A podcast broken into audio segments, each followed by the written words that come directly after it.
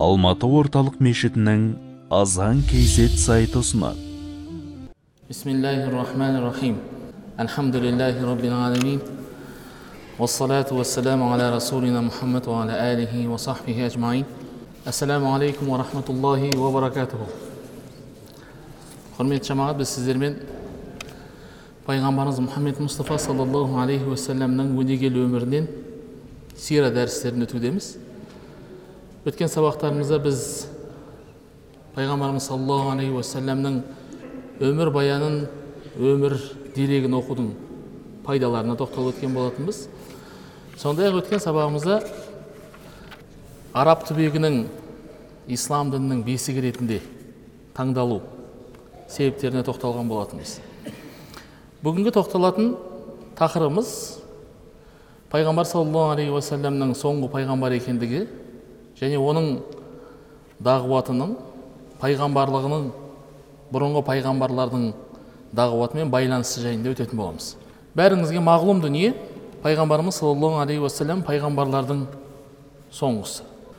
Бұл мәселе жөнінде мұсылмандардың арасында мұсылман ғалымдарының арасында ешқандай пікір қайшылығы жоқ.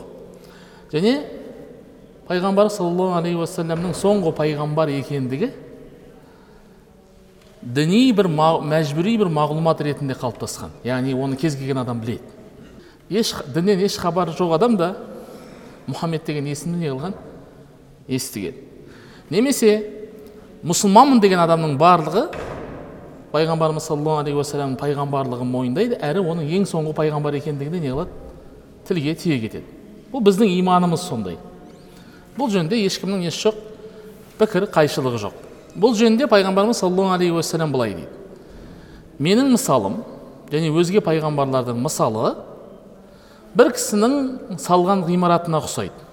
Ол ғимаратты керемет етіп салған жақсы етіп салған.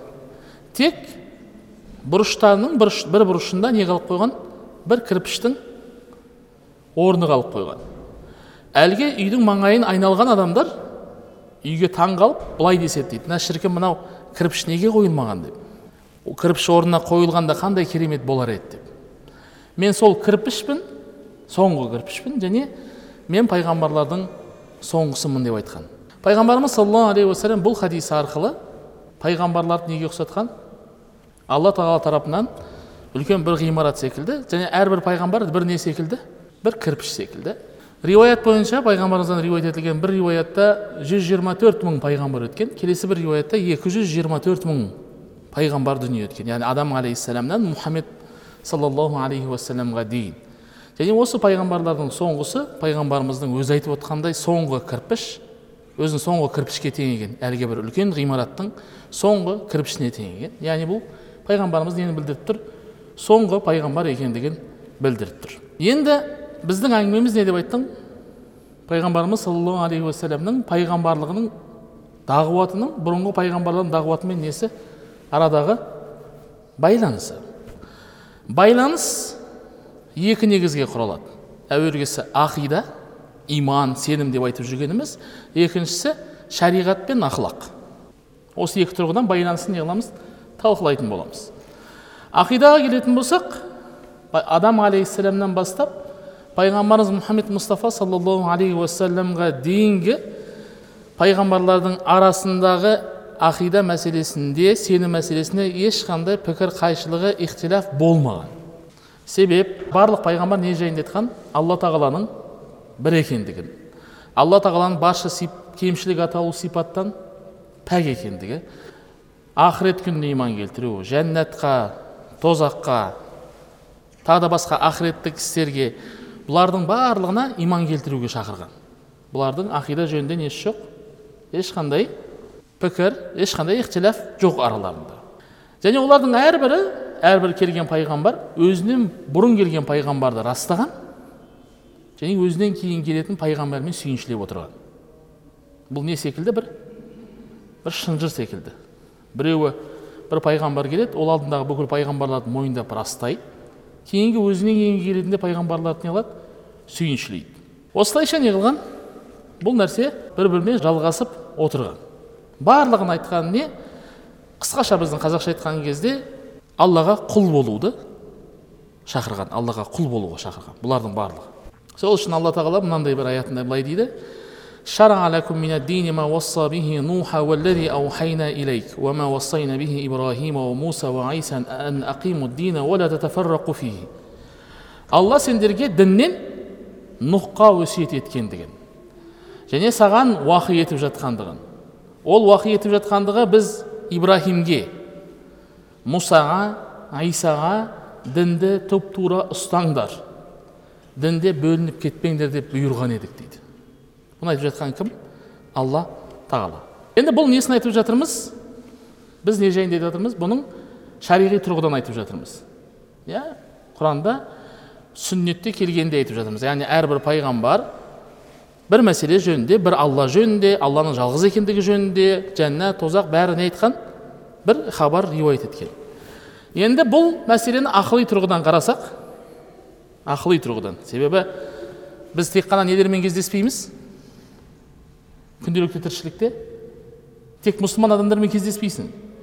Мәселен сіз біреумен тартысқа түсетін болсаңыз бір мұсылманмен тартысқа түсетін болсаңыз мұсылманмен мәселені шешу оңай. Не дейсіз? Алла құранда өстіп айтып жатыр пайғамбар саллаллаху алейhi өстіп айтты абу ханифа былай деп айтты рахимахулла имам шафиғи рахимахулла былай деп айтты деп не қыласың? Сөйлесе аласың онымен ал бұның ешбірін мойындамайтын адаммен қалай сөйлесесің? Біздің мұсылман жамағаттың ұтылып қалатын себебі солмыз. Мәселен сен не дейсің? біреумен тартысқанда алла құранда былай деген. Ол құранды білмейді ғой. Ол үшін құран не емес? Үм? бір сүйенетін қайнар көз дәлел емес. Себебі құранға сүйену иман келтіргеннен кейін басталатын нәрсе. Түсіндіңіз ба біз әлі иман келтірмеген адам құран айтайын деп жүрміз. Негізінде иман келтіргеннен кейін барып құранды не қыласыз? Алла былай деп бұйырып жатыр деп айта аласыз. Тек қашан? Иман келтіргеннен кейін ғана. Себебі ол мұсылмандардың арасында жүретін әңгіме. Иман келтіргендердің арасында жүретін әңгіме. Ал бұл мәселені ақыли тұрғыдан алып қарайтын болсақ бұлардың барлығы сенім тұрғысы иә? Сенім. Бұлар не айтып жатыр бізге? Пайғамбарлар? Иә алланың бір екендігін айтып жатыр. Бұлардың барлығы не? М? бұлардың барлығы хабар. Бұлардың барлығы хабар алла жалғыз екендігі алланың бар екендігі жәннат тозақ қиямет бұның барлығы не? Барлығы хабари хабар сипатындағы мәліметтерге жатады тек біз не қыламыз? Естиміз. А солай екен ғой деп не иман келтіреміз. Енді хабар бүкіл пайғамбарлар не деп айттық? Бірдей бір мәселе жөнінде айтқан деп айттық иә бірдей айтқан барлығы. Демек хабар бір жерден хабар алып жатқандардың әртүрлі ақпарат жеткізуі мүмкін емес. Түсіндіңіз ба яғни ақыли тұрғыдан солай. Мәселен сіз үшеуміз бір жерге барғанбыз бір нәрсені көргенбіз үшеуміз үш түрлі айтсақ не болады? Мәселен мұса алейхисалам келіп не дейді? Алла жалғыз дейді. Иса не дейді? Келіп алла жалғыз емес үшеу деп айтады. Бола ма солай? Не бұзылады арадағы? Онда пайғамбарлардың егер пайғамбарлардың бәрін шыншыл деп алатын болсақ олардың еш күнә айтпаған өтірік айтпаған жалғанға жалған айтып, айтуға келісіп алулар мүмкін болмаған болса бұлардың айтқан хабарларда не болады? Бірдей шығады. Сол үшін пайғамбарлардың алла жайында айтқан хабарлары шариғат жайында айтқан хабарлары ақида жөнінде айтқан хабарлары барлығы не болады? Бірдей болады. Себебі барлығы неден алып жатыр бір жерден алып жатыр. Ал егер ол адамдар шыншыл болса және хабар бір жерден алынып жатса хабарлар бір біріне қарама қайшы келеді деген әңгіме болуы мүмкін емес. Бәрі бірдей айтылуы тиіс. Бұл бірінші мәселе. Демек бір пайғамбардың алла жалғыз деп алып екінші бір пайғамбардың алланың серігі бар деп айтуы мүмкін емес болмайды олай немесе алланың қыздары бар деп айтуы немесе алла үшеу алла сол үштің үшіншісі деп айтуы мүмкін емес нәрсе. Себебі бұлар бір жерден хабар айтып жатыр бір жерден алып жатыр және бұлардың барлығы шыншыл болатұғын болса хабар нақты болуы керек. Бұл бірінші мәселе. Бұл ақида мәселесін талқылап болсақ екінші мәселе не деп айттық? Шариғат және ақылақ деп айттық мінез құлық.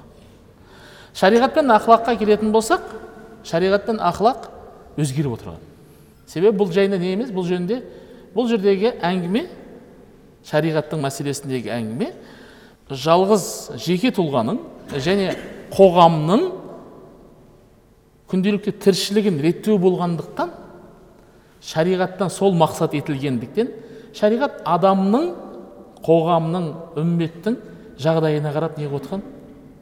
өзгеріп отырған. Бұл бірінші. Екіншіден не бар одан кейін?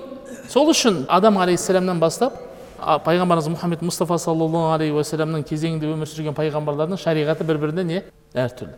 Мәселен бұл қайдан шықты деп айтсаңыз себебі шариғат хабар емес. Шариғат не? Шариғат заңдылық. Сіз жаңадан бір нәрсені құрып жатсыз. Құрып жатқан кезде не болады?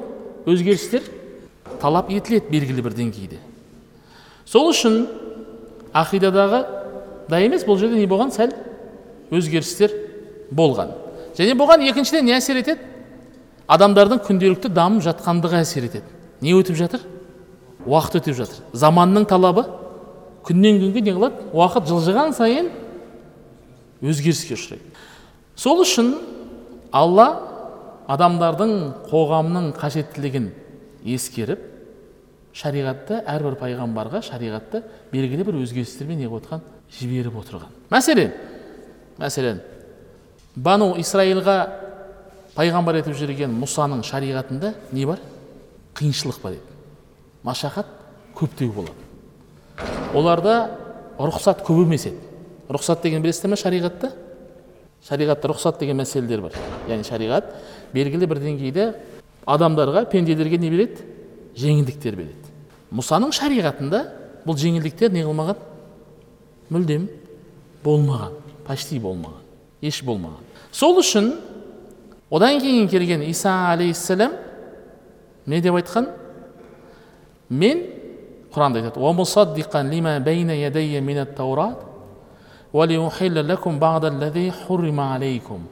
мен өзімнен бұрын келген тауратты растаушы ретінде жіберілдім және сендерге харам етілген кейбір нәрселерді адалдау үшін жіберілдім. Бұл кімнің сөзі? Иса алейхисаламның сөзі. Бұны кімге айтып жатыр? Бану исраилға айтып жатыр.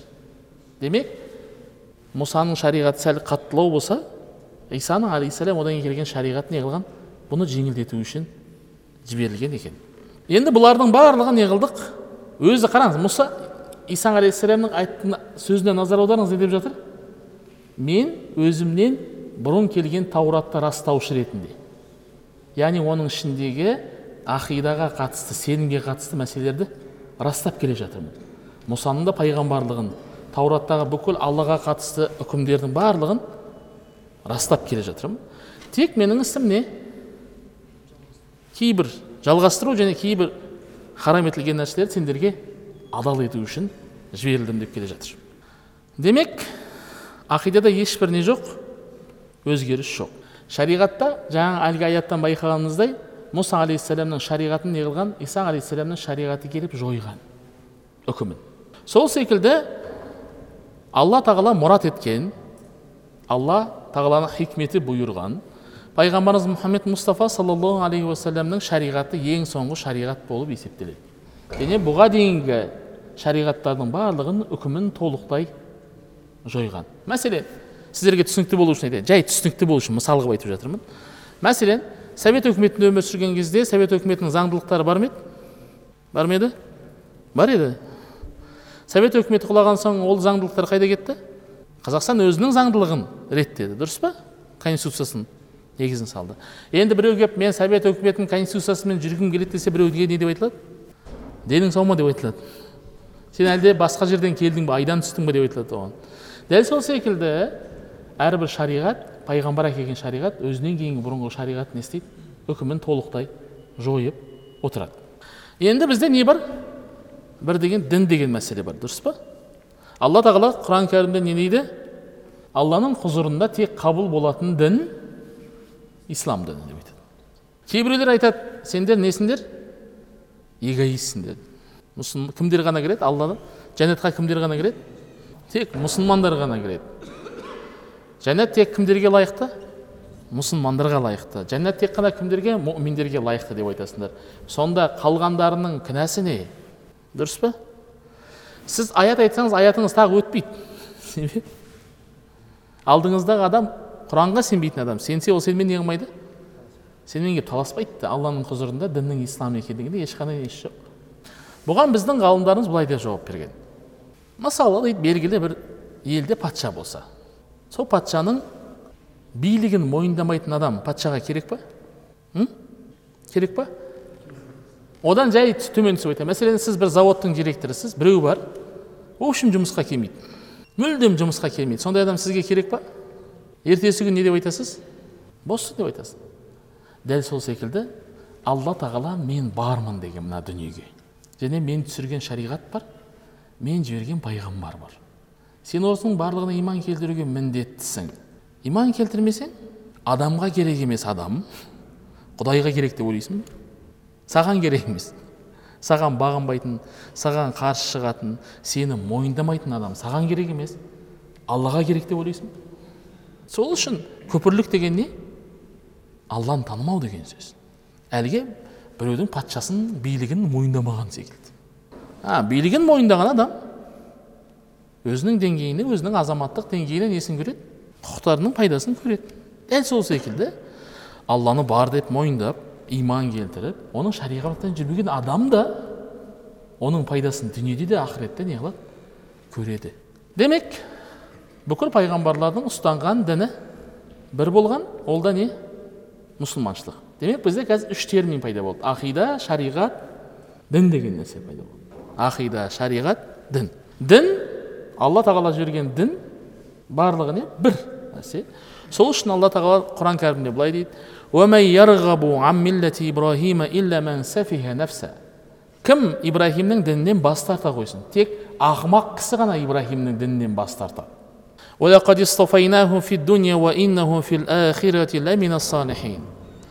біз оны дүниеде таңдап алдық ибраһимді және ол ақыретте салих құлдардың қатарында болады.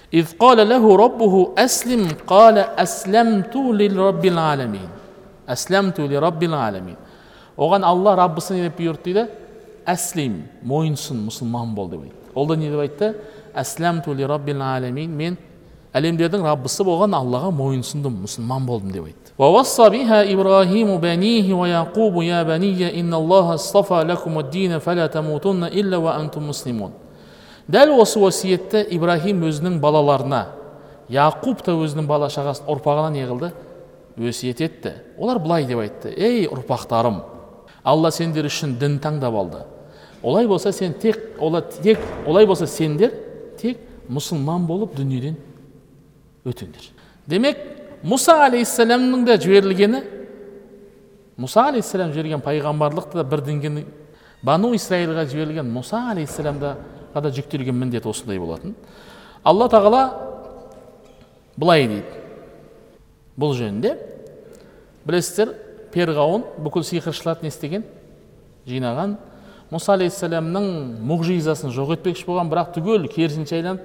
сиқыршылардың барлығы не қылған мұсылман болған түгел олар былай деп айтқан қалу инна иля раббина мунқалибун олар сиқыршылар былай деп айтты біз раббымызға жөнелдік раббымызға бағытталдық кетіп барамыз وما تنقم منا إلا أن آمنا بآيات ربنا لما جاءتنا сен бізден бар болғаны раббымыздың аяттары бізге келгенде иман келтіргенімізден сен бізден кек алайын деп жүрсің соны көре алмай тұрсың сен сиқыршылардың неге айтып жатқан сөзі? Перғауынға айтып жатқан сөзі. Муслимин ей раббымыз бізге сабыр бер. Сабырды үстімізден төк және біздің жанымызды мұсылман етіп ал деген. Біздің жанымызды мұсылман етіп ал. Иса алейхисаламның да пайғамбарлығы негізі осындай болатын. Алла былай дейді олардан. فلما أحس عيسى منهم الكفر قال من أنصاري إلى الله мұса әлгі жанында тұрған бану исраилдің адамдарынан күпірлікті сезген сәтте не деп айтты дейді қаламен ансари илалла сендердің араларыңнан кім менің жәрдемшім болады алланың дінінде قال الحواريون نحن أنصار الله آمنا بالله واشهد بأننا مسلمون олар да не деп айтты дейді хауарилар жанындағы хауари деген сөз иса алейхисаламның несі сахабалар секілді иса алейхисалам жанында жүргендерге хауари деп айтылған пайғамбарымыздың жанында жүргенге саллаллаху алейхи уассалам жанында сахаба деп айтқан сол хауарилар не деп айтты дейді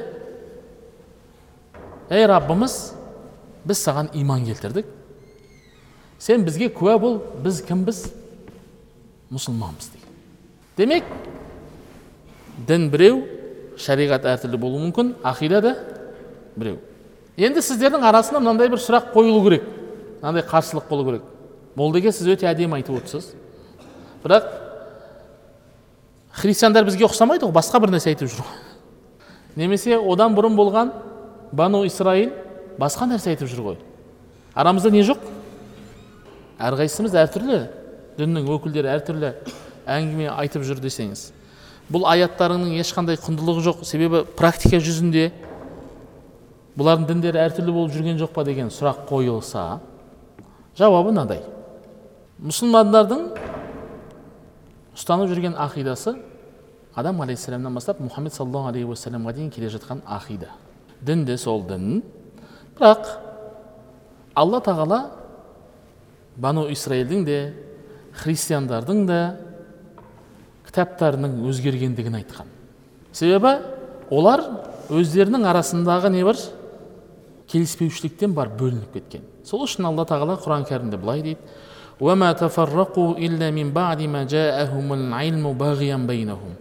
Олар өздерінің арасына ғылым келгеннен кейін арасындағы дұшпандықтың себебінен бөлінді.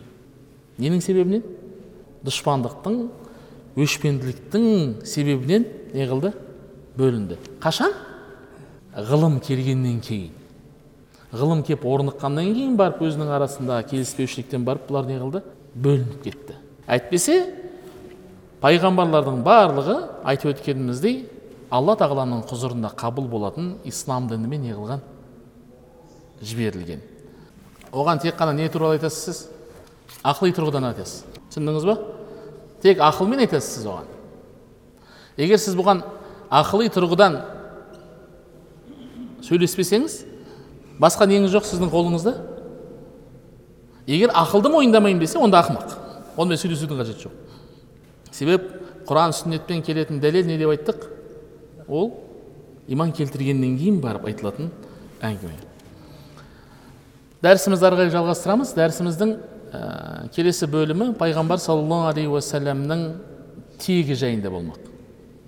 Тегі және дүниеге келген жылы жайында болмақ пайғамбар саллаллаху алейхи уассаламның тегіне келетін болсақ пайғамбарымыз саллаллаху алейхи уассалам мұхаммед ибн абдиллах ибн абдил мутталиб ابن هشام ابن عبد مناف ابن قصي ابن كلاب ابن مرة ابن كعب ابن لوي ابن غالب ابن فهر ابن مالك ابن الناظر ابن كنانة ابن خزيمة ابن مدرك ابن إلياس ابن مضر ابن نزار ابن мад ибн аднан бұл пайғамбар саллаллаху алейхи уассаламның несі шежіресі сіздер бәрі ибн ибн болып кетті барлығы негізінде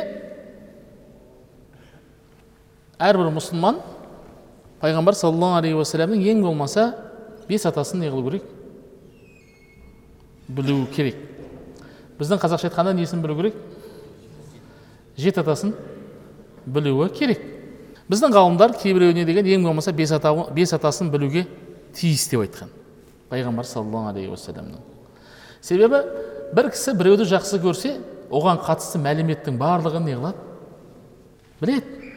Мәселен сіз бір футболистті жақсы көрсеңіз футболисттің қашан қай жылы дүниеге келгенін бәрін білесіз ғой иә? Хобби не әке шешесі екенін бәрін түгел білесіз. Немесе жазушы ақын кім болса болсын бірақ кімге жақсы көресіз соған қатысты мәліметтің барлығын не қыласыз біліп жүресіз. Біздің де сүйіктіміз болған пайғамбарымыз саллаллаху алейхи уассаламның да оған қатысты барша мәліметті не қылуымыз керек? Білуіміз керек. Және бала шағамызға да соны не қылуымыз керек? Үйретуіміз керек. Демек пайғамбарымыз саллаллаху алейхи уассаламның тегі мұхаммед ибн абдилла мұхаммед ибн абдилла өзінің аты. Абдулланың ұлы не? Мұхаммед әкесінің аты кім екен? Абдулла екен атасының аты абдул мутталиб екен. Бабасының аты одан кейінгі атасының әкесі кім екен? Хишам екен. Хишам емес хәшим екен. Хәшим хәшимнің әкесі кім? Абдуманаф. Ең болмаса үш жерге дейін білу керек. Мұхаммед абдулла абдулмутталиб хәшим кейін барып абдуманаф ары қарай білетін болсақ жеті ата деп қазақша айтатын болсақ онда кім болады? Ибн құсай құсай бар. Кейін барып кім бар? Килаб бар. Қанша болды? Жеті атасы болды. Бұл пайғамбар саллаллаху алейхи уассаламның жеті атасын түгендеген болдық осылайша. Бұл дәп осы жағын мен оқыған жерге дейін ғалымдар барлығы бір ауыздан келіскен. Шежіресі осындай екендігі. Аднанның да аднан кімнің баласы? Ибраһим алейхисаламның ұрпағы екендігіне бір ауыздан келіскен ал ибраһимнен ары қарай шежіре тарқататындар бар адам алейхисаламға дейін баратындар бар оған ғалымдардың арасында белгілі бір пікір қалыптаспаған барлығының арасында не бар ихтилаф бар сол үшін ғалымдар айтады аднаннан кейін шежіре тарататындар пайғамбарымызға қатысты өтірік айтады дейді түсіндіңіз ба себебі осы жерге дейінгісіне нақты пайғамбарымыз саллаллаху алейхи уассалам бір хадисінде былай дейді не дейді «Инналлаха астафа кинана мин уалади исмаил алла тағала исмаилдің ұрпақтарының ішінен кинананы таңдап алды уастафа құрайшан мин кинана кинананың ішінен құрайышты таңдап алды уастафа хашима мин құрайш құрайыштың ішінен кім таңдап алды хашимді таңдады уастафани мин бәни хашим хашим атасының ішінен де мені таңдап алды деген бір несі бар. Атақты хадисі бар. Бұл риуаят кімнен келген? Сахих муслимде келген.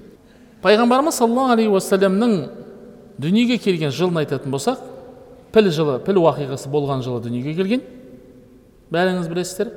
Яғни атақты уақиға абраха деген патша не қылмақшы болған меккені жаулап қағбаны қиратпақшы болған. Бірақ алла тағала фил сүресінде және басқа да аяттарда келтіргендей не қылған олардың талғанын шығарған. Дәл осы жылы не қылған рабиғ ауал айының он екісінде пайғамбарымыз саллаллаху алейхи уассалам дүниеге келген. Бұл жерде айтылатын бір әңгіме бар. Мына хадис нені көрсетіп тұрған сияқты? Алла исмаилдің ұрпақтарының ішінен кім таңдап алды? Кинананы таңдап алды. Кинаның ішінен құрайш құрайыштың ішінен хәшимді хәшимнің ішінен мен таңдап алды басқа да риуаяттар бар. Алла тағала адамдарды екі топқа бөлді. Сол топтың ішіне ең қайырлысынан мені қылды. Сол топтың ішіндегі жақсы үйінен мені қылды деп жатқан сияқты. Бұл жерде не бар сияқты? Арабтар өзі. Халықты екі ақ бөледі. Арабтар және араб еместер деп. Түсінікті әл араб уәл ажам дейді. Арабтар және араб еместер. Бұл хадис нені көрсетіп тұрған сияқты? Арабтар басқа бір елде не секілді? Жоғары секілді. Солай ма? Солай секілді. Бірақ алла тағала құран кәрімде дейді ей адамдар біз сендерді бір әйел бір еркектен жараттық. Кейін сендерді рулар, еттік халықтар еттік бір бірлеріңді танып жүру үшін. Сендердің ішіндегі ең құрметтілерің кім? Ең тақуаларың. Немесе пайғамбарымыз саллаллаху алейхи уассалам бір хадисінде былай дейді. Арабтың араб емеске несі жоқ үстемдігі артықшылығы жоқ араб еместің де арабтың үстінде несі жоқ артықшылығы жоқ. Ақтың қарадан ешбір артықшылығы жоқ. Тек тақуалықпен және амали салихпен ғана айырмашылығы бар. Ізгі іспен ғана бар дейді. Мына жақта мына нәрсені айтып жатырмыз пайғамбарымыз не айтып жатыр мені мына жақтағы ең жақсысынан таңдап алды деп жатыр арада сәл не бар секілді? Қайшылық бар секілді. Бұны ғалымдарымыз былай деп шешкен. Арабтың құрайыштың өзгелерден артық болуы ұлық болуы мынаған ұқсайды. Ыдыс қашан құнды болады? Сандық қашан құнды болады? Ішінде бағалы зат болса қымбат болады сандық. Ыдыстың қадірінің болуы немесе ыдыстың қадірінің еш болмауы ішіндегіге байланысты тікелей. Түсіндіңіз ба? Ыдыстың ішіндегі сақталған асыл болса ол ыдыста не қылады? Бағаланады қадірі болады. Ыдыстың ішіндегі дүние түкке тұрғысыз болса ыдыстың ешқандай несі болмайды қадір қасиеті болмайды. Дәл сол секілді ғалымдар не қылған? Дәп осы жерде пайғамбарымыздың тегін тасыған арабтарды әлгі ыдысқа ұқсатқан ішінде бағалы зат тасып жүрген түсіндіңіз ба? Яғни бұл мәртебенің жоғары болуы бар ғой. Әлгі пайғамбарымыздың айтып отқандығы. Бұл уақытша өтпелі артықшылық қана. Пайғамбарымыз дүниеден өткеннен кейін бұның барлығы не қылған арабтың араб еместен ешқандай несі болмай қалған айырмашылығы болмай қалған тек пайғамбарымыздың тасығандықтан құрайш. Пайғамбарымыз саллаллаху алейхи уассалам құрайшықтардан шыққандығынан арабтардан шыққандығы сол пайғамбарымыздың тегін тасығандықтан ғана уақытша өтпелі кезеңде бұлар не көрген? Сәл басқа елден артықшылығы болған екен. Бұл біткен соң пайғамбарымыздың әлгі хадисіне қайтып ораламыз. Қандай?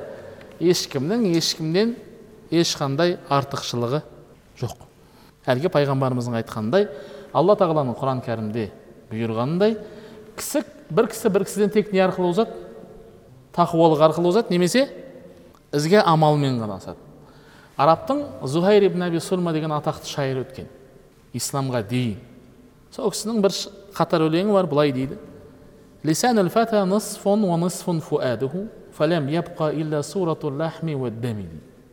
жігіттің жартысы тілі екінші жартысы жүрегі қалғаны ет пен қанның суреті ғана дейді түсіндіңіз ба жігіттің бір жартысы мына сөйлеген тілі екінші бір жартысы ол да жүрегі яғни жүрегіндегі несі батылдығы тағы басқасы қалғаны тек ет пен қанның несі ғана суреті ғана. Сол үшін генетикалық тұрғыдан физиологиялық тұрғыдан алған кезде арабтардан басқа қан бізден басқа қан ақпайды түсіндіңіз ба немесе олар біз екі аяқты олар төрт аяқты емес. Біз екі көз олар үш көзді емес. Барлығын алла бірдей етіп жаратқан. Тек жаңағы үстемдік жаңағы артықшылық бар болғаны әлгі ыдыстың ішіндегі не секілді? Сақталған қазынаның құндылығы ғана секілді екен. ربنا آتنا في الدنيا حسنة وفي الآخرة حسنة وقنا عذاب النار. ربنا أفرغ علينا صبرا وثبت أقدامنا وانصرنا على القوم الكافرين. آمين آمين. الله.